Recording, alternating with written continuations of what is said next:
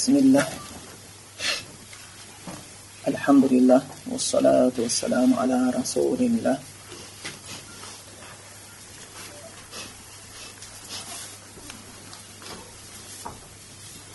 аллах тағала баршамызды баршамыздың жүрегімізді нифақ ауруынан сақтасын амалдарымызды риядан сақтасын және аллах әйтеуір бұл дүниеден өзі риза болған кезінде ғана жанымызды алсын баршамызға лә иляха иллаллах деген сөзбен өмір сүруді лә иляха иллаллах деген сөзбен жан тапсыруымызды лә иляха иллаллах деген сөзбен раббымызға жолығуды нәсіп еткен болсын оны енді аллахтан жәрдем сұрай отырып осы хадис сабағымызды қарай бастаймыз біз имам науаидің хадис жинағынан сол қырық хадисінен он тоғызыншы хадиске жеткен екенбіз бірінші хадистің мәтінін бір оқып шығайық одан кейін хадис жайында айтып өтеміз An Abil Abbas, Abdullah ibn Abbas, anhuma әкесі Абдулла ибн Аббастан дейді. Алла ол кісі екеуінен де разы болсын. Қала ол кісі айтады екен. Күнту халфан наби саллаллаху алейхи.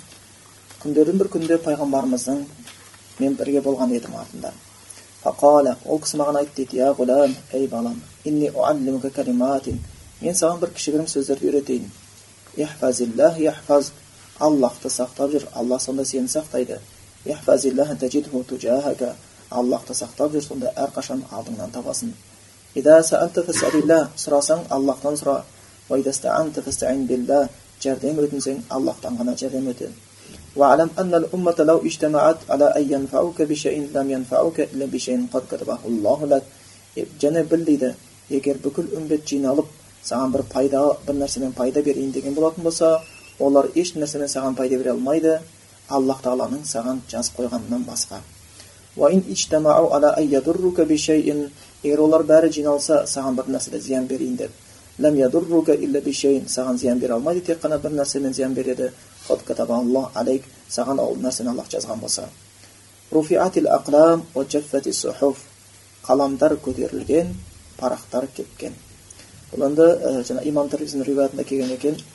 Хадисті хасан сахих деп айтқан екен тирмизден бөлек риуаятта және де осының жалғасында келеді ода мынандай мәтіндер бар екен аллахты сақта аллахты әрқашан алдынан табатын боласың жағдайың жақсы кезде нығметке бөленіп жүрген кезіңде аллахты таны түскеніңде аллах сені танитын болады және бір бір нәрсе сен қателескен болатын болсаң ол саған тура болуы мүмкін емес еді саған не нәрсе жеткен болатын болса ол нәрсе сенен айналып өтуі мүмкін емес еді және біл аллахтың жәрдемі сабырлықпен болады және игілікке жақсылыққа аманшылыққа құтылуға жету қиындықтан кейін келеді қиындықпен бірге болады әрбір қиыншылықтың бірге жеңілдік бар деп келген екен енді әдеттегіміздей біз хадис сабағымызда бірінші хадисті риуаят етуші кісіден бастайтынбыз бұл кісі абдулла ибн аббас енді бұны көпшілігіміз танимыз иә бұл бала күнінен пайғамбарымыздың батасын алып кеткен бұл пайғамбарымыздың ағасы аббас деген кісі бар сол кісінің баласы болып келеді екен аббастың ұлы абдулла болып келеді енді хадистің басталуында абил аббас деп келіп жатыр иә аббастың әкесі абдулла ибн аббас деп яғни бұл деген сөз яғни абдулла өзінің баласының атына әкесінің атын қойғаны әкесінің атын қойғаны радиаллаху анхума деп жаңа екілік түрде келіп жатыр ол екеуінен алла разы болсын деп бұл жерде әкесі менен несіне абдуллахтың өзіне келеді өйткені ол екеуі сахаба өйткені біз айтқанбыз яғни алла разы болсын деген айтқанда белгі ретінде ол сахабаларға айтылады жерде былай қарасақ үш адамға аты айтылып жатқан сияқты. Әбіл аббас аббас аббастың баласы айтылып жатыр өзі айтып жатыр әкесі айтып бірақтан екі адамға айтатынымыз оның баласы сахаба болған жоқ өзі және әкесі сахаба болды. Және бұл ә, кісінің жалпы өмірі сондай бір ғажаптарға толы айтып кеттік ә, бұл пайғамбарымыздың ағасының баласы. Жалпы сахабалардан тәпсір екі үлкен сахабадан басталады. Тәпсірде екі үлкен мектеп бар. Абдулла ибн масудтың мектебі және абдулла ибн аббастың мектебі осыдан кейін тәпсір ілімі басталады бар иә осы екі сахабадан басталады абдулла ибн масуд ол жасы үлкен сахаба болған сонау меккеде жүрген кезінен пайғамбарымызға иман келтірген сол үшін ол кісі құранда былай түсу себептеріне байланысты айтатын қайсы құрандағы қайсы аят қайсы жерде қайсы мәселеге барға түскенін айтып бере аламын дейтін құранды менен жақсы білетін бір кісі бар болса барып алдына өтер едім деген екен яғни ол кісінің өз заманында одан құранды артық білетін ешкім болмағандығына байланысты болып тұр ал енді ә, кім абдулла ибн аббасты алатын болсақ бұл кісі құранды тілдік жағынан өте күшті тәпсірлеген тілдік жағынан өйткені не бұл пайғамбарымыздың руынан иә бұл кісі пайғамбарымыз рулас болып келеді құрайыштан болып келеді ал абдулла ибн масуд ол хузей руынан болып келетін. Бірақ ол кісінің тәпсірі тәжірибе жағынан мықты. Абдулла ибн аббастың тәпсірі тілдік жағынан мықты өйткені тіл жағынан пайғамбарымызға өте жақын болады. Енді бұл тілдегі айырмашылық білесіздер иә енді мектепте болмаса университет кезде говорлар диалектілер деп бөлеміз ғой. Шымкент жақта мысалға кейбір заттың басқаша жағында таразда басқаша болмаса оңтүстікте басқаша айтылуы бір жерде шалбар дейді бір жерде сым дейді бір жерде кесе дейді бір жерде шыны дейді бір жерде пиала дейді деген сияқты. Әркімнің өзінің несі бар иә айту бір тәсілдері бар. Ал сол үшін осы тілдері жаңағы абдулла аббас тіл жағынан пайғамбарымызға өте жақын болып келетін еді. Және бұл кісі ә, жас сахаба болды. Меккеден хижрет жасамастан бұрын үш жыл бұрын дүниеге келген бұл кісі. Және пайғамбарымыз мұхаммед мұстафа саллаллаху өмірден қайтқан кезде абдулла ибн аббастың жасы бар жоғы он үште ғана болатын енді ғана балағатқа толайын деп әлі балағатқа толып үлгерген жоқ бірақ қайран қалатын нәрсе мына бір хадис абдулла ибн аббас бізге риуаят етіп жатыр сонда ол бала кезінде естіген да өйткені хадистің өзінде деп келіп жатыр пайғамбар маған айтты дейді я ғулам ей ғулам деген ей бала бұл арабтарда өзі деп бөледі ғулам дегені емшектен шыққаннан бастап балағатқа толғанға дейінгі аралықта жастарды ғулам деп атайды. Түсіндіңдер ғой иә емшектен шығарылғаннан бастап мүмкін екі жаста шығарылған болатын болатын болса содан бастап балағатқа толған кейбіреулерде үш жастан бастап деп келетін жерлер бар. Кейбіреулерде үш жастан бастап келеді сонда ол балағатқа толған аралықтағы неге ей ғулам деп сөйлейді екен. Яғни оның кезде әлі ер жетпеген кезінде естіген хадисі. Яғни бала күнінде бір хадисті естіді бізге жеткізді ғалымдар таң қалады субханаллах дейді осындай кішкентай бір берекелі бала арқылы дейді аллах тағала дейді бүкіл пайғамбардың үмбетіне осы бір қасиетті хадисті жеткізіп қойды дейді жалпы бұл бала күнінен айттық өте зерек болды өте дана болды қазақта мақал бар ғой кісі болар баланы кісі болар баланың кісіменен ісі бар дейді да яғни уже кішкентай кезінен бала балалықтан гөрі үлкендермен сәлемдесу жауап беру жағдай сұрасу деген бойында қасиеттер болады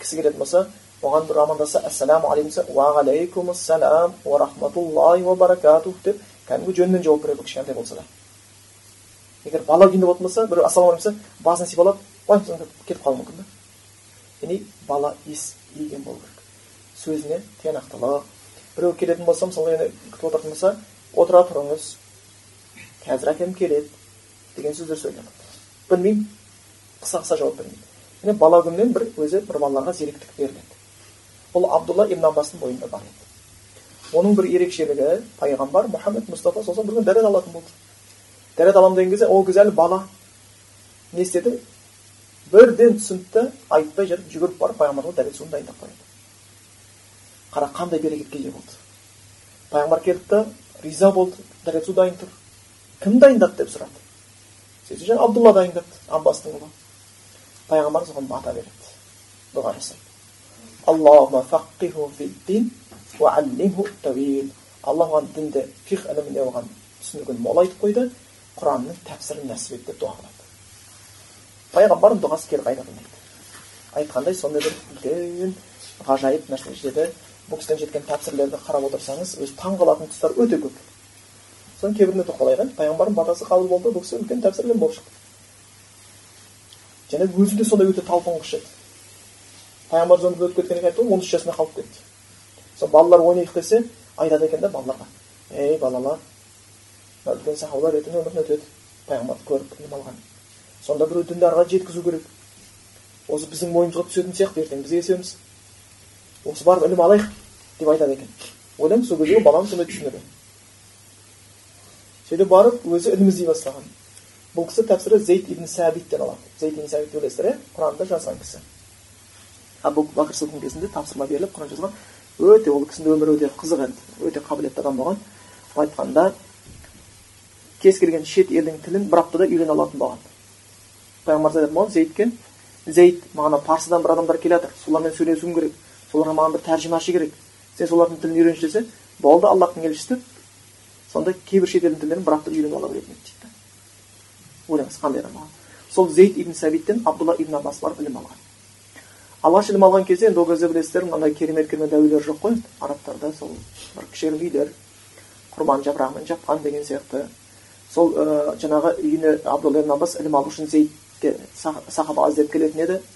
Ол кісі үйінде болатын болса мазаламай үйдің сыртында ата баста деп қойды шапам шешемді жастық қылып төсеп жатамын дейді үйдің көлеңкесінде дала жел құм сосын жаңағы есіктің ашылғанын сезген кезде тұрып шапанымды қағып үсті басымды шаң қағып ә, қолыңыз бос болса мен ілім алайын деп едім деп айтатын едім дейді алғашқы уақытта зейд ибн сәбит енді жас үлкен ғой ұялатын еді неге біріншіден ол пайғамбарымыздың жақын адам туысы айтады әй абдулла ыңғайсыз болады барсам пайғамбардың туысы зейд атты сахабаның есік алдында жатыр да көлеңкесінде ыңғайсыз болады?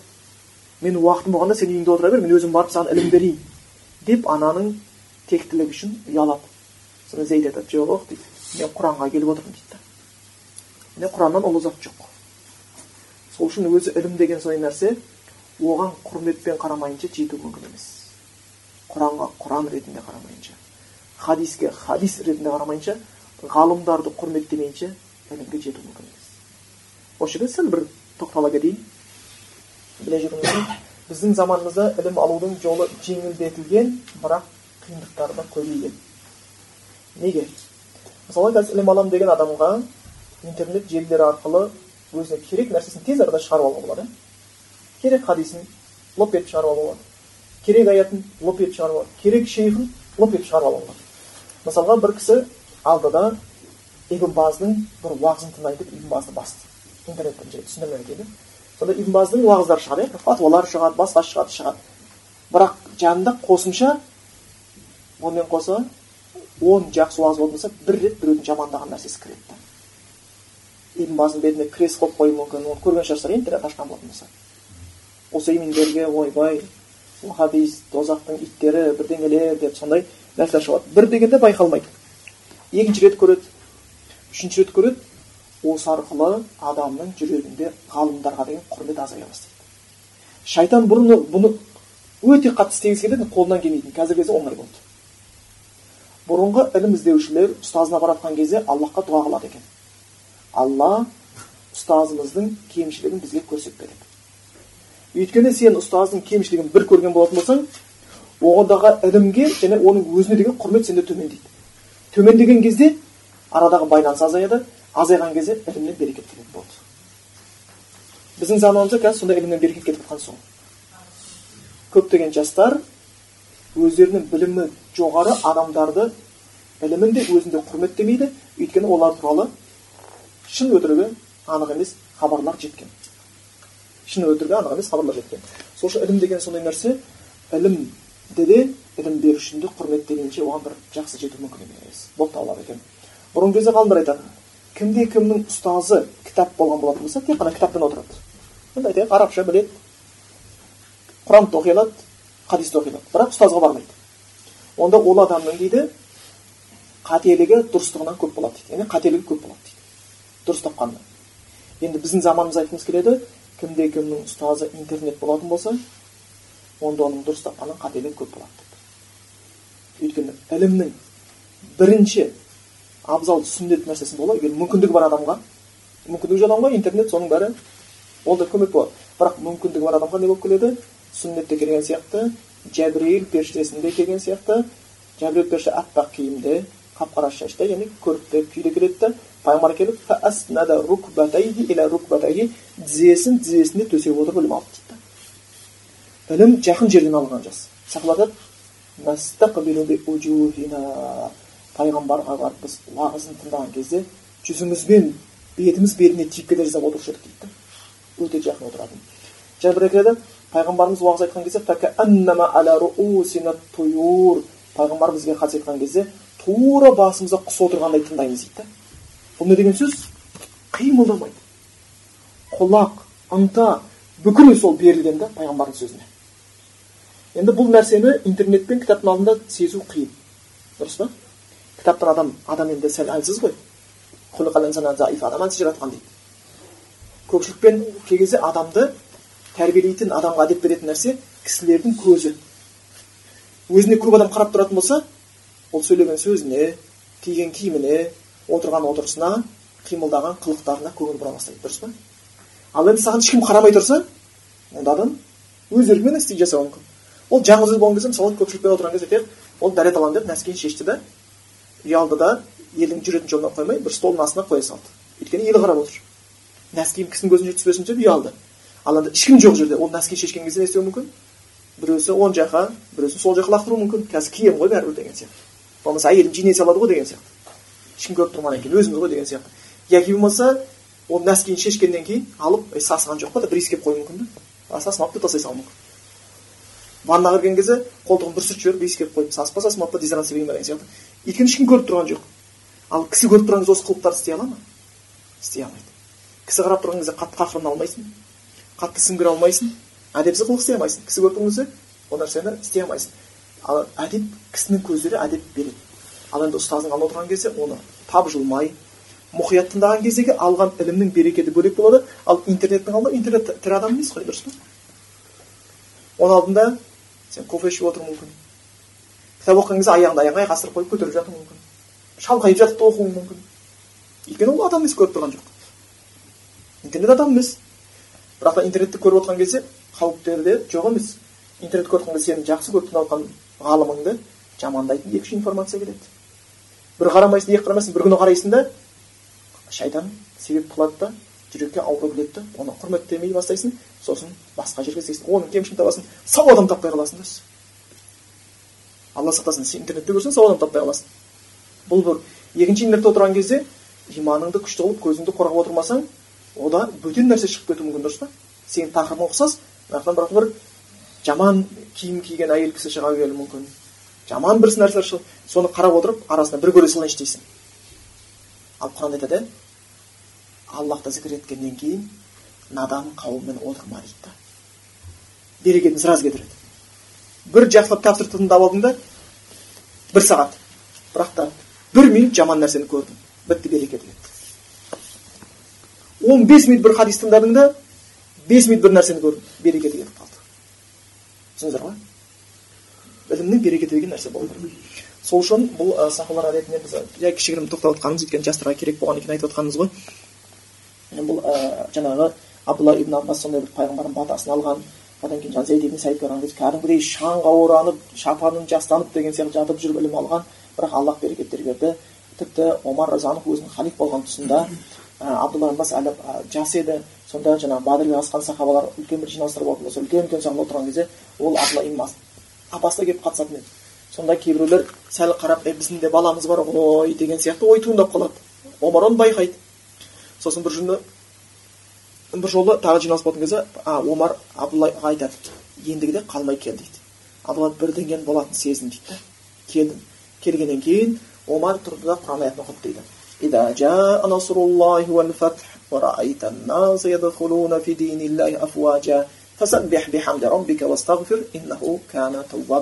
Сүресін оқыды оқып болды да отырған сахабалардан сұрады дейді. Үлкен үлкен. Бәдір соғысына қатысқан. Ухудты көрген сахабалардан сұрады дейді кеше пайғамбардың қасында бірге жүрген сахабалардан сұрады дейді осы сүре туралы не айтасыңдар дейді енді олар арабтар түсінеді. Аллахтың жеңісі мен жәрдемі келген кезде адамдардың топ топпен дінге кіргенін көресің. Сол кезде аллахқа тәсбих айт кешірім сұра деген кезде енді бұл жерде аллахтың жеңісі келген адамдар топқа кіреді топ дінге кіреді деді. Біреу астағфирлахты айту керек деді бір аллахты пәктеу керек деді. Осы айтты тағы не айтасыңдар деді. Олар ештеңе қоспады сонда абдулла ибн аббастан сен айтасың деген кезде бұл сүре пайғамбарымыздың ажалдың жақында пайғамбар ажалдың жақындағанын көрсетіп жатқан сүре депті бір риwаятта келеді осы сүре түсіп алғаш оқыған кезде абдулла бала еді дейді да жылап жіберген екен да субханалла пайғамбардың өміріне қайтатын уақыт келіп қалыпты қарашы бұндай нәрсені қалай түсінуге болады бұны аллах бір бермесе бұл оңай ілім емес қазір ол жүз оқып үлкен сахабалар түсінбеген кезде пайғамбар ажалдың құрбы ажал расулалла деген сияқты пайғамбар ажалдың жағынан қалай білуге болады? Ол түсінді да өйткені адамға ажал жақындай бастап сүйе бастаған кезде не істеу керек екен? Астағфир көп кешірім сұрау керек екен. Пайғамбарымыз өмірі солай кешірімі көбейе бастаған. Кешірім сұра астағфирулла адам қартая бастаған кезде бір ауырып әй осы ауруымнан что то жазылам ба жазылмайын деп қорқа бастаған кезде астағфирлахты көп айтқан жақсы. Өйткені аллахтың алдына барайын деп жатырмыз. Өйткені өзі біз амалдарымыздың соның бәрі астағфирлықтан тұрады ғой иә? Намаз бітсе астағфирулла деген сияқты. Өмірің бітіп бара жатыр астағфирулла содан сезіп қойған болатын. Және бір оқиға содан кейін басқа сахабалар абдулла уже мойындай бастады. Көрді да оның ілімі қандай екенін. Және де бір оқиғада келеді бір кісі өзінің әйелі үйленгеннен кейін алты айдан кейін дүниеге сәбиді келтіреді. Күдіктеніп қалады енді әдетте тоғыз ай он күн ғой. Ішінде әйел туып қойды. Ей кеше ғана үйлендік қой екеуміз қалай сен айда туып қоясың? Құдай біледі сен маған дейін таза келген жоқсың деп күдік туды шайтан ой салды. Сөйтіп бұл дау көтерілді. Бұл менің балам ба менің балам емес ол ауыр ма оның баласы болмаса зина деген сияқты. Сөйтіп бұл да осы дау көтеріліп жатқан кезінде бұл дауды шешу үшін абдулла ибн аббасқа сен не айтасың деді. Абдулла ибн аббас қанша уақытта туды алты айда деді. Ол сенің балаң деді. Оны қалай дәлелдейміз? деді. Қараңыз сонда субханалла ол мүмкін емес нәрсе да ол құраннан дәлелдер тауып келді да алла құранда айтты деді ананың баланы көтеруіменен бала мен екеуінің арасында ажырайтын уақыт отыз ай деді бұл бір аят деді екінші аят бар құранда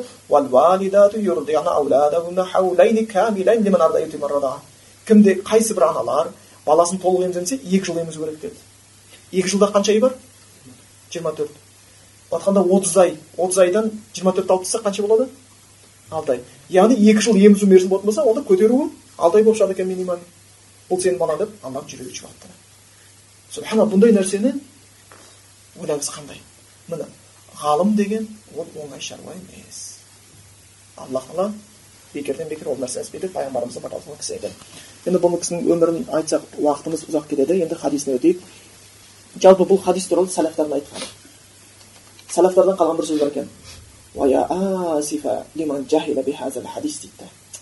қандай өкінішті мына хадисті білмейтін адамға дейді мына хадисті білмейтін адамдарға қандай өкінішті дейді және бұның мағынасын түсінбеген болса дейді кейбір ғалымдар бұның мағынасын ойлаған кезде жүрегіміз жарылып кете жаздайтын еді дейді мен де таңқаламын субханалла балағатқа толмаған абдулла ибн аббас осы хадисті естіді хадисте калиматин деп бар жеңіл бір сөз деген сияқты да араб тілінде калиматин дейді бала күнде түсінген сөзін қазір мен деген төрінен көрі жақын мұсылмандар толық түсінбей жүр да бұл хадисті білмейтін мұсылманды айтпай ақ қояйық санағанша екен ал соны білгеннен кейін оны түсінбейтін қанша мұсылмандар бар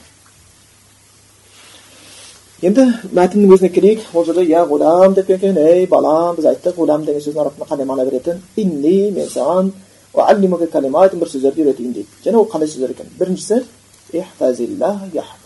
аллахты сақта алла сені сақтайды енді бұл жерде алланы сақта деген сөз не алла ешкімнің сақтауына мұқтаж емес бұл жердегі аллахты сақта деген сөз аллахтың дінін сақта аллахтың көрсеткен шариғатымен жүр аллахтың бұйрықтарын орында деген мағына береді екен сонда не болады нәтижесі яхфаз алла сені сақтайды болды тұмардың ең үлкені осы біреу мойнына тағып жатыр біреу машинаға тағып жатыр не үшін құдай сақтасын жоқ құдай сақтайтын нәрсе бар пайғамбар айтып қойған құдай сені сақтайды шариғатын ұстансаң болды көлікке мініп бара көлік дұғасын айт ұйықтайтын кезде жататын кезде дұғасын айт үйден шығып бара кезде үйден шығатын дұғаны айт дәретханаға кіріп шығып бара кезде дұғаларын біл.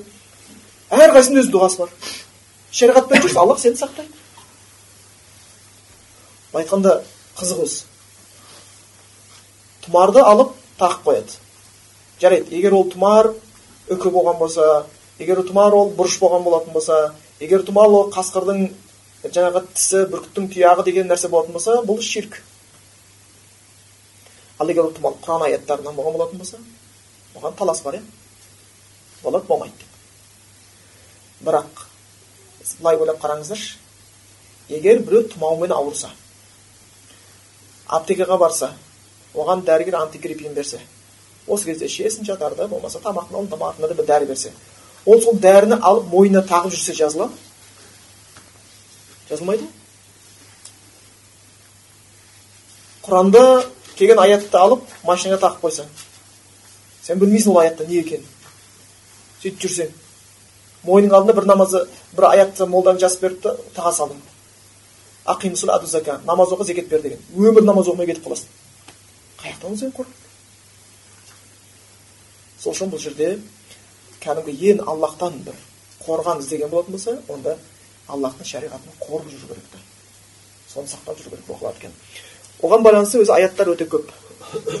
Және аллахты сақта яғни аллахтың шариғатын сақтап жүр аллахтың шариғатымен жүрші халалды халал деші харамдыны харам деші аллах әрқашан алдыңнан шығады аллахтың жәрдемі болады дейді бұған байланысты енді сақтауға байланысты хифз қорғауға байланысты аяттар да хадистер өте көп иә алла құранда айтады соны сақтайтын нәрсе біреусі намаз мысалы хафизу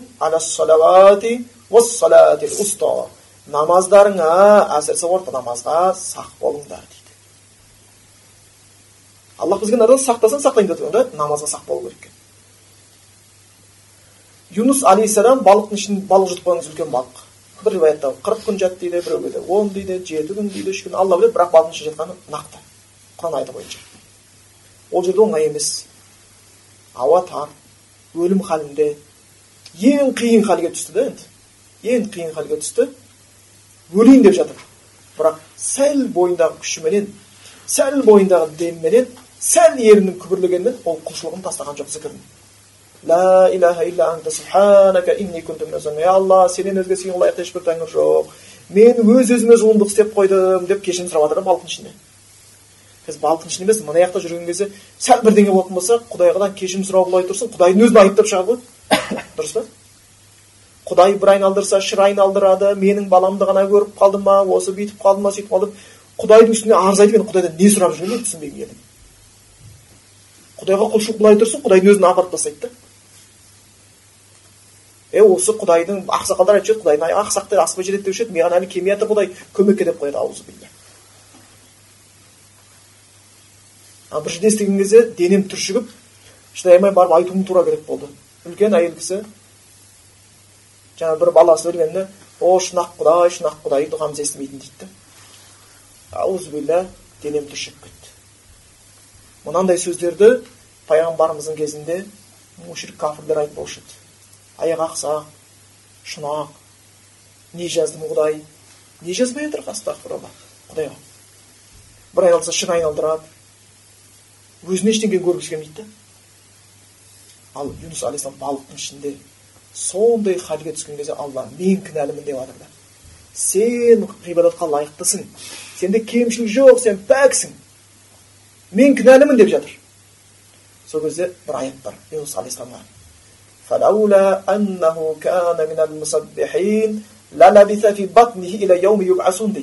егер ол балықтың ішіне түскенше тәсбих жасаушылардан болмағанда абдулла ибн аббас мына осы хадисте деп жатырмыз абдулла ибн аббастан де тәпсір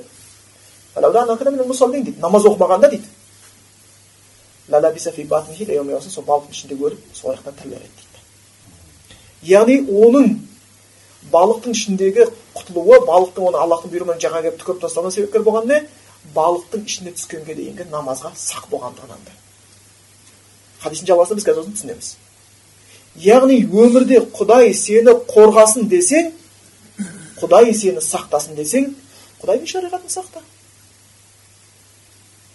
Ширк жасама намазын оқы зекетін бер субханалла аллахқа мақтаулар болсын осы біздің маңдайымыз сәждеге тиіп жатыр осы намаз оқып жүрміз ғой намаз бір беліміз үзіліп кетіп кеткен кезіміз бар ма намаздан жоқ қой бірақ қанша адам бар намаз оқыған жоқ намаз дей бастаған кезде белдері үзіле бастайды да деп зәрелдер ұшып орамал дей бастаған кезде тұншыға бастайды сақал деген кезде желке үзіле бастайды не екенін білмейміз шайтанның отыр көз қорқақ қол батыр дейді ол көрген жоқ тек қана сол жаман бір неде қалып кетемін деп шайтанның азурлағына жүрген болып кетеді екен пайғамбарымыз сонда айтқан сөздердің біреусі аллахты сақта алла сақта сені сақта яғни шариғатымен жүр халалын халал де харамды харам де намазын оқы деген сияқты бұл намаз сақтау және өзі жаңағы аятта келген сияқты хадисте де келеді намазға байланысты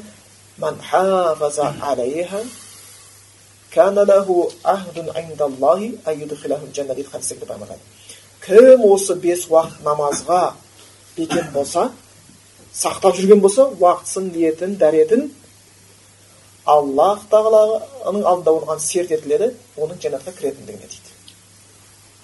Яғни жәннатқа кірудің себептерінің біреусі намаздың толық болуы. Намаздың толық болуы екен. Сондықтан оны қолдан келгенше істеп қою керектілігі болады екен. Тұрып оқи алмасаң отырып оқисың отырып оқи алмасаң жатып оқисың сумен тарта алмасаң құрғақ тарта аласың бір мүмкін емес жағдай жоқ қой намаздың дұрыс па? Самолетте оқитын намаз бәрі құран хадисте субханалла самолет шықпай жүр деп айтылып қойған да пойыз шықпай жүр деп айтылып қойған суға ағып баратып тіпті бала туайын деп жатқан әйел намаз қалай оқитынын айтылып қойған қиын жағдай емес қиын жағдай емес болып табылады екен сонда бұл намазға сақтау жаңағы аллах сақта деген бірінші намазын сақта тура сияқты сақтау деген нәрсесі адамның дәретке сақ болуы оған да байланысты хадис бар иә бұл бұл сахи хадис дәретке дейді шын мұсылман бекем болады дейді да бұл жерде енді бір тәпсірінде келеді бұл шарқында яғни намазды әрқашан дәретпен оқиды дәретсіз қалай болса оқи салмайды деген мағына береді ал біреусі әрдайым дәретпен жүруге тырысады жатса дәретпен жатуға тырысады яғни мүмкін болатын болса дәретпен жүруге тырысатын күйі болып табылады екен және де сақтаудың ішінде тіл көз деген нәрсені сақтау оған байланысты аяттар көп иә біз жиі айтатын хадис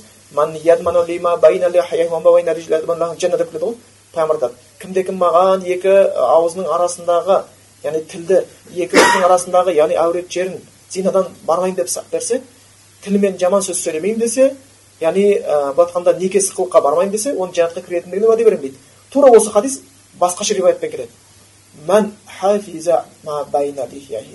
кім тіліне сақ болса екен сақ болса деп келеді хадис келген сияқты және сақ болса екі бұтының арасында деп келеді дейді жәннатқа кіреді дейді сондықтан бұл жерде жаңағы тіл көзге сақ болу керек құранда сол күйінде келеді мұсылмандар жәннатқа кіреді мұсылмандар көп сипаттаған кезде құран аяттарын қараңыздаршы олар бір нәрсені қатты айтады олар өздерінің ұятты жерлерін қорғайды яғни зинаға бармайды дейді мұсыл жәннатқа кіретін мұсылманның және бір сипаты зинаға жоламайды дейді зина жасамайды деп келмейді өте сақ болады дейді зинаға алып баратын әрбір причинадан сақ болады болмаса құранда келеді жаңағы момин сүресінде жәннатқа кіретін адам мұсылмандар сипаттаған кезде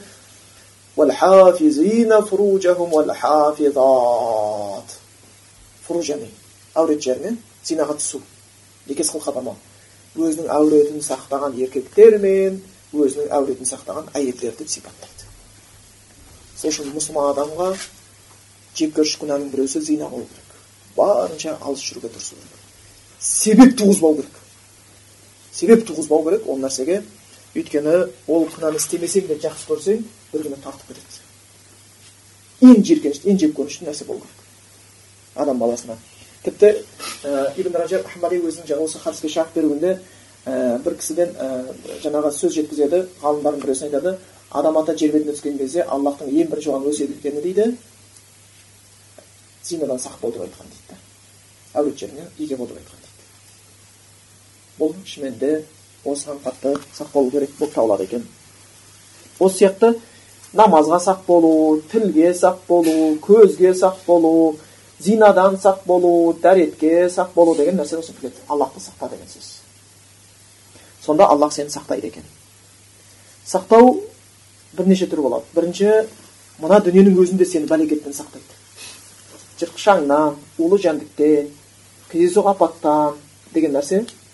Екіншісі ертең жан беретін кезде қабірде сені қиындықтан сақтайды. Үшінші қияметтің есеп күнінде сені сақтайды. Бәлекеттен.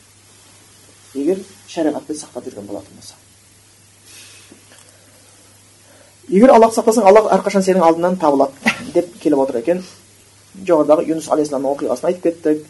Балық жұтқанға дейін намазы бар еді. Сол намаз оған көмектесті. Балықтың ішінде аман есен қалуға себепкер болды. Одан бөлек те сіздер хадисті білесіздер. Сахи хадис ол хадисте жаңағы үш адам тауда болған кезде үңгірге тығылған кезде қатты жауын шашын болып боранды күнде жаңағы тығылған үңгірлердің аузын дәу тас келіп бекітіп қалады. Сол кезде үш адам аллахқа өздерінің үңгірге түскенге дейінгі жақсы істерін еске алып аллахтан жәрдем сұрап шығып кеткен болады. Шығып кеткен болады екен. Және де айтқан екен сұрасаң аллахтан сұра. Жәрдем қолдау өтінсең аллахтан ғана өтін. Таухидтың күшейту мақсатында келеді екен. Сұрасаң аллахтан ғана сұра. Жәрдем өтінсең аллахтан ғана жәрдем өт. Бұл абдулла ибн аббасқа айтылған өсиеттің бірі екен иә енді осы жерде сұрау мәселесіне келейік сұрау екі түрлі болады бірінші аллахтан сұрау бар адамнан сұрау адамнан сұрау және бөлінеді адамнан сұрау оның шамасы келетін нәрсені сұрау болатын болса оның шамасы келетін нәрсені ол айып емес мысалы айтайық кетіп бара жатсың қолыңда сөмкең бар қолың сөмкең ауыр қасыңда досың айтса көтеріп жіберші бір шетін ұсташы деп көмек сұрадың бұл рұқсат етіледі болмаса аттың үстінде отыр едің қамшың түсіп қалды. Сосын жерде тұрған бауырым бауырым алып берші дедің алып берді. Бұл рұқсат етіледі. Айып емес. Ал енді адамның шамасы келмейтін нәрсені сұрау ол ширк болады. Мысалы айтатын болсақ соболтта кезі сияқты. Өзі қазақстанда отыруы мүмкін. Ұстазы анау африкада отыр деген сияқты. Менің пірім бар. Үйіне ұры түсейін деп жатқан кезде о пірім мадат мадат көмектес көмектес деп ана африкадағы сол естиді деп ойлайды да бұл ширк болады бұл жиі кездеседі иә ондай осындай болған екен бір жерге баратын болса бір әйел кісіні зорлайын деп жатқан екен ол ұстазына айтты піріне ей пірім көмектес десе пірі жұма намазында құтпа айтып жатыр естіп қойыпты дауысын асатаян лақтырып жіберді дейді да сөйтіп анау қарақшылардың бастарын жарып асатаян қайтадан қайтып кетті дейді бұл дұрыс емес десе осыған неге сендер әулие өлгендерден сұрайсың десең олар келеді не сен қасында жүрген адамға көмектес деп айтсаң күнә бола ма? деп қояды да. Ол оған дәлел емес. Ол бар. Өйткені хадисте келген. Кім өзінің бауырына көмектессе аллах оған көмектеседі деген. Көмектесе нәрсе көмектесе ол шариғат. Бірақ оны ғайыпқа алып баруға болмайды ол дәлел емес ғайыпқа сол сияқты өлгендерден көмек сұраса. Барып қабірдің басына түнеп тілеп әйелім тумай жатыр туғызып берші. Жұмыс айлығым көбеймей жатыр көбейтіп берші қызмет бабынан жоғарылайықшы мен имам болып жүрген кезде бір кісі атамның жаңағы қабіріне моласында құран оқып берші құран оқып берші деп қатты сұранды үлкен қызметтегі кісі еді жақсы деп бардық барып едік көп адамдар жиналып қалды сөйтіп отырған кезде бір көріпкел әйел келіпті қырғызстаннан сөйтсем соған келіп жатыр екен ғой мен әшейін просто жай жүрген екенмін да ресми сапар бойынша протокол бойынша молда екен. Аудан имам құран оқу керек деген сияқты. Еркек адам оқу керек әйел оқымайды дегендей сөйтіп анау бір әйел кісі ертіп жүр екен да. Басында түсінген жоқпын сосын құран оқып бірақ та кетейін деп жатыр едім тоқтаңдар деді. Ана әйел кісі көзін жұмып алған. Шашы орамалын жасы жабылған жабылмаған шашы жалбыраған жеңі жоқ көйлек киіп алған тұрып тұрып тұрып та мына жерде пәленше деген бір ата жатыр екен. Ол сенің жетінші атаң болады екен деп а деп анарда әкімдердің аузын аштырып жатыр да мына жерде бір тағаули жатыр екен. Оның басында ешкім ештеңе қоймапты. Қойлар ары бері таптап жатыр екен әруақ қатты қиналып жатыр екен соған. Аталар айтып жатыр кімде кім нараға соның басына кесене тұрғызып мына моланы қоршайтын болатын болса қызмет бабынан жоғарылайды деп айтып жатыр дейді да субханалла әруақтарға да не керек екен да ол жерде біз айтуымыз керек болды. Ей сендер не істеп жатсыңдар кім тыңдайды субханалла қызық серікқали ағамыздың бір сөзі бар өлең құран айтсаң ертегі деп ертегі айтсаң ақиқат деп алданады дейді адамдар осыған сенеді құдайдың сөзіне сенбейді сол үшін сұрасаң аллахтан ғана сұра дейді жәрдем өтінсең аллахтан ғана жәрдем өтін дейді ал адамға байланысты сұрау екіге бөлінеді дедік иә шамасы келетін нәрсені сұрау ол бар шариғатта бірақ оның өзі онша мақұлдана қоймайды сахабалардың әдетінде аттың үстінде тұрып қамшы түсіп қалса біреуге алып бер деп айтқанды ұнатпайтын өзі түсіп алғанға жақсы көретін да түсіндіңіздер ғой. Егер сен айтқызып өзің алып берсең онда сауап саған. Олар біреуден жаңағы жүгі жеңіл болатын болса біреу көтерші деп айтпайтын өзі көтере беруге тырысатын. Олар өзгеден сұрамаған және жәрдем өтіну. Жәрдем өтіну өте керек нәрсе. Тіпті құлшылық өту жасау үшін біз аллахтан жәрдем сұраймыз. Ылғи біз аллахқа айтамыз иә алла саған ғана ғибадат жасаймын сенен жәрдем өтінемін көмек сұраймын қолдау сұраймын көмек сұрау жәрдем сұрау ол ғибадат неге біз ғибадаттан кейін және ішіне бөлекше алып келдік өйткені аллахқа ғибадат жасау үшін бізге жәрдем керек та аллах жәрдем етпесе сол үшін пайғамбарымыз өзінің муаз атты сахабасын өсеткен кезде ей мен сені аллах үшін жақсы көремін деген сөйткен оған бір керемет сөз үйреткен намаз парыз намаздың соңында мына дұғаны тастап тастамай айтып жүр аллахумма аинди алла жәрдем ет маған ала зикрик сені зікір етуім үшін уа шүкрик саған шүкір ету үшін ибада саған жақсы ғибадат жасау үшін субханалла бұл керемет ішінде зікір шүкір және ғибадат жатыр бұл үшеуін істеген адам жәннатқа иншалла жолында кетіп бара жатқан ең керемет нәрсе жеткен адам ал бұл нәрсені істеу үшін біз аллахтан жәрдем сұрауымыз керек екен аллах тауфиқ берсе істейміз тауфиқ бермесе істей алмаймыз сол үшін дейді бір адам күнә жасап қойған болатын болса бір алла сақтасын арақ ішіп қойды ма зина істеп қойды ма яғни ол адам сол күнәғаның алдында құдайға қадірсіз болған да сол үшін сол күнәға түскен дейді егер қадірлі болатын болса құдай қорғап отырады панасын қадірің кете бастаған кезде сен күнәға басқа ұрына бастайсың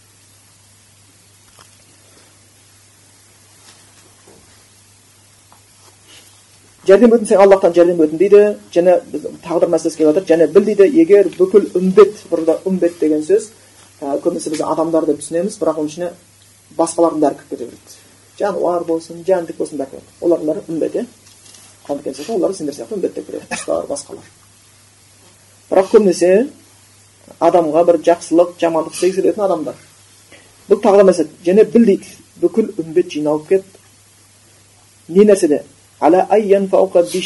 бір нәрседе саған көмектесейін десе бір нәрсе көмектесейін десе янфаук олар саған көмектесе алмайды пайда бере алмайды илля аллах саған тағдырына жазғаннан басқа нәрседен бөлек аллах саған тағдырыңа нәрсе жазған болса сол нәрсе саған көмектесе алады бүкіл адам жиналып келіп саған жақсылық істейін десе құдай сол жақсылықты тағдырыңа жазбаған болатын болса ол жақсылықты олар жасай алмайды екен бұдан шығатын нәрсе аллахқа деген тәуекелді күшейту. Аллахтың қолында екенін білу. Әрқашанда соған ұмтылу сол үшін уахб ибн атты бір ғалым кісі бір кісі патшалардың сарайына қайта қайта барып бір қажетін өтей алмай жүр екен да барады кіре алмайды барады кіре алмайды. Сосын бір күні ойлап айтады ей бейшара деп айтады дейді да субханалла есігі жабық. Байлығын сенен жасыратын. Сені алдына кіргізбеуге тырысатын адамдарға қайта қайта барып жалынып жүрсін. Есігі еш уақытта жабылмайтын сұра берем дейтін байлығын әшкере қылған аллахтан. Неге жалынбайсың деп айтады дейді неге жалынбайсың дейді. Аллахтың есігі әрқашанда ашық. Ата ибн аби рабах деген кісі болған. Абдулла ибн аббастың шәкірті. Құл болған бірақ ғалым болған үлкен. Сол кісінің заманында бір патша бір фихтан бір мәселе сұрақ болады да ешкім жауабын бере алмайды да сосын бұның жауабын ато ибн абир абах беруі мүмкін дейді ол құл патша ол кезде діннің құрметі ғой діннің құрметі қазір патша емес жай бір кішігірім бизнес жүре бастаған адам әлденісін сенің алдыңа келіп ілім алғаннан гөрі дәке келіп кет бір екі нәрсе айтып кетсейші бізге ілімді бізге де берсейші деп отырады да бірақ елмен келіп жамағатпен келіп тізе болып отыруға жарамайды өзі жеке келіп индивидуальный есеп алғысы келеді сонда жаңағы патша сұрағын жауабын білген кезде не істейді құлды іздеп келеді қараң өзі патша баласы бар қасында іздеп келсе қай жақта құл мешітте намаз оқып жатыр нәпіл намаз оқып жатыр екен да бос болса нәпіл намаз оқиды екен кіріп келсе ол білмейді патшаның келіп жатқанын баласы екеуі күтіп отырады елдің бәрі ойы патша қай жаққа барасыздар таң қалады да баласы екеуі қайда атой абақ іздеп баратырмыз а сонда іздейді екен патшалар деп елдің бәрі ойлайды ғой ел патшаны іздейді патша біреуді іздеп жүр да ол құл сөйтіп келіп кіріп отырса намаз оқып жатыр екен күтіп отыр намазын бұза алмайды күтіп отыр сөйтсе баласы дейді әкесіне әке мына қорлықты ұмытпаймын енді деп айтады дейді да елдің бәрі енді кіріп шығып жатыр ғой бәрі патшаның сыртынан қарап отыр ғой қадағалап ойбай патша мешітте отыр патша мешітте патша ғалымды күтіп отыр ол құл сосын намаз оқып қараса біз сізге келдік дейді атайнар ой не болып қалды мен қандай көмегім сіздерге тиюі мүмкін деп айтады осындай бір сұрақтың жауабын таппай жатырмыз. Қандай айтады? Ал оның жауабы аят бойынша хадис бойынша жауабын беріп жүректерін жұбатады патша риза болып кетеді айтады да ей ата құлға айтады да сұрашы менен дейді да. Риза болдым сұрашы керек нәрсеңді берейін дейді да. Сөйтсе ата тыныш дейді. Мешіттен шығайық дейді да. Сөйтіп мешіттен шығады. Кішкене патшаны ойлап жатыр ғой ел естіп қоймасын бір керемет нәрсе сұрайын деп жатырмыз келіп иә не десе? Патша дейді мен дейді бүкіл байлық қолында болған аллахтан дейді дүние сұрауға ұяламын дейді да титтей бір нәрсе ие болған сенен несін сұраймын дейді не сұрайды деп отырсың сенен дейді бәрі нормально дейді субханаллах сол үшін берген сұрасаң аллахтан сұра дейді жәрдем өтінсең аламын жәрдем өтін дейді бірақ қазақта сондай мақал бар еді алладан сұрағанның екі бүйірі шығады адамнан сұрағанның екі көз шығады дейді өзіміз айтамыз өзіміз білмейміз субханалла қайда қалған ата бабалар қайда біз қайдамыз ата бабамыз ондай болған жоқ атамыз ондай болған жоқ дейді мен түсінбеймін сонда біздің аталарымыз ондай болмаса апаларымыз ондай болмаса апаларымыз сонда қазір заманда мини юбка шалбар киіп жүрді ма менің миым жетпейді ондай апаларды мен көрмедім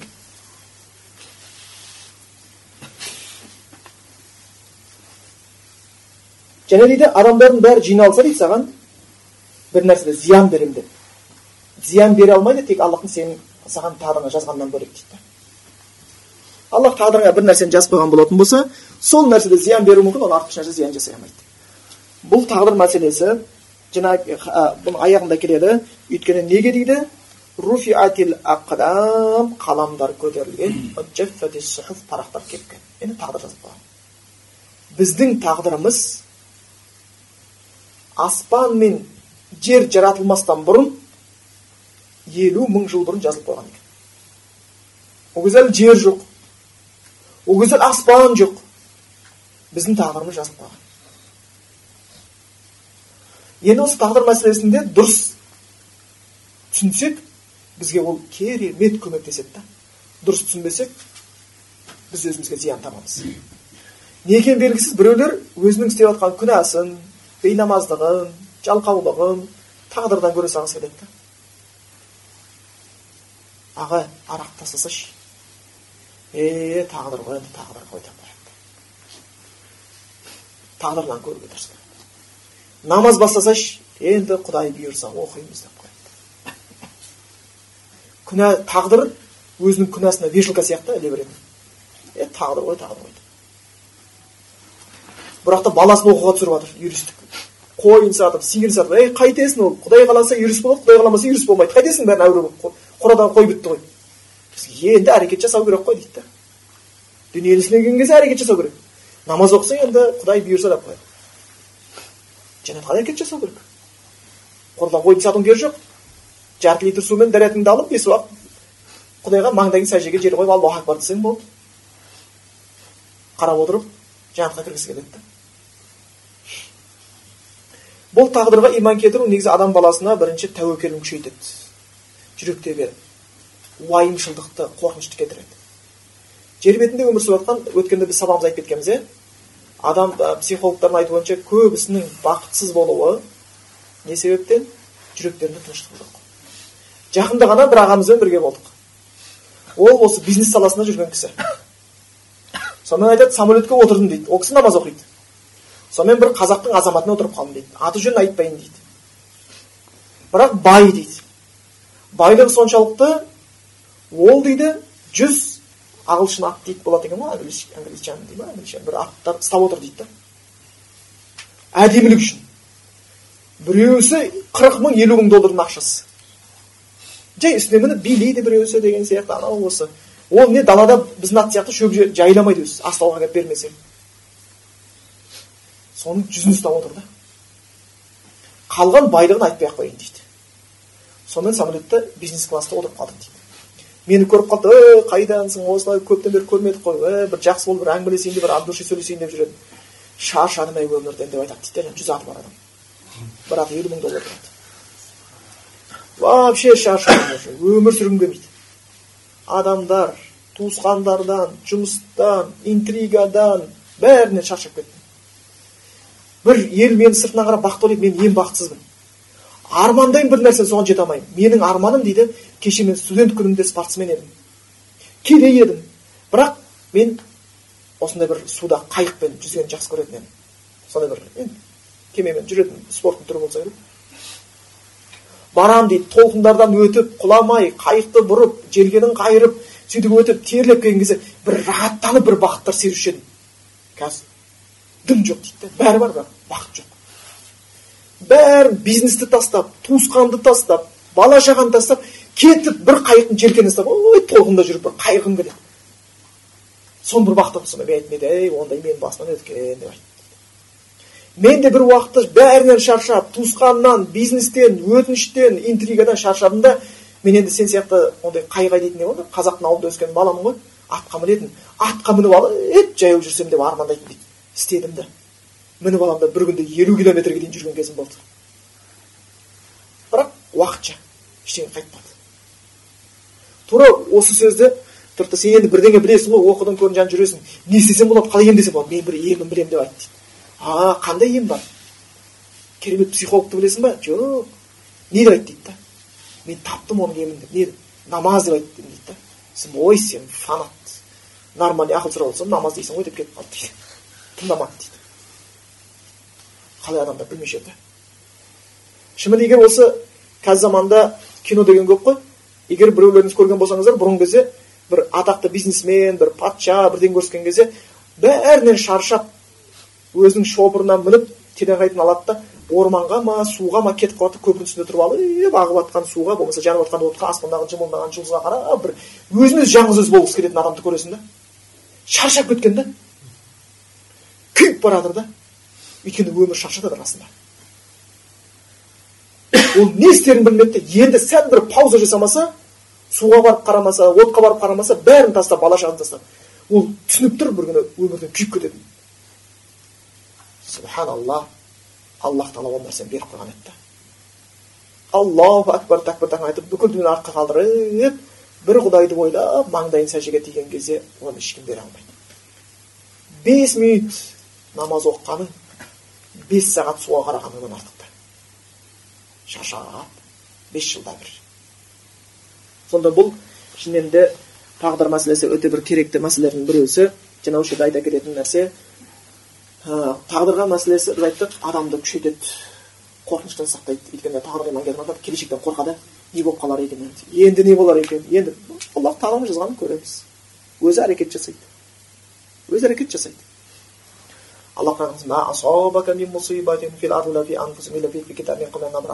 Саған қандай бір мұсибат бір қиыншылық жеткен болатын болса бәлекет жеткен болатын болса фил ар жерде уафи анфусим өздеріңде жерде бір қуаңшылық болды ма өрт болды ма басқа болды ма үйің жанды ма малың қырылды ма егінің шықпай қалды ма болмаса өзің ауырып қалдың ба басқа болатын болса оның бәрі тағдырда жазылып қойған дейді аллах сендерді жаратпастан бұрын жазып қойған оны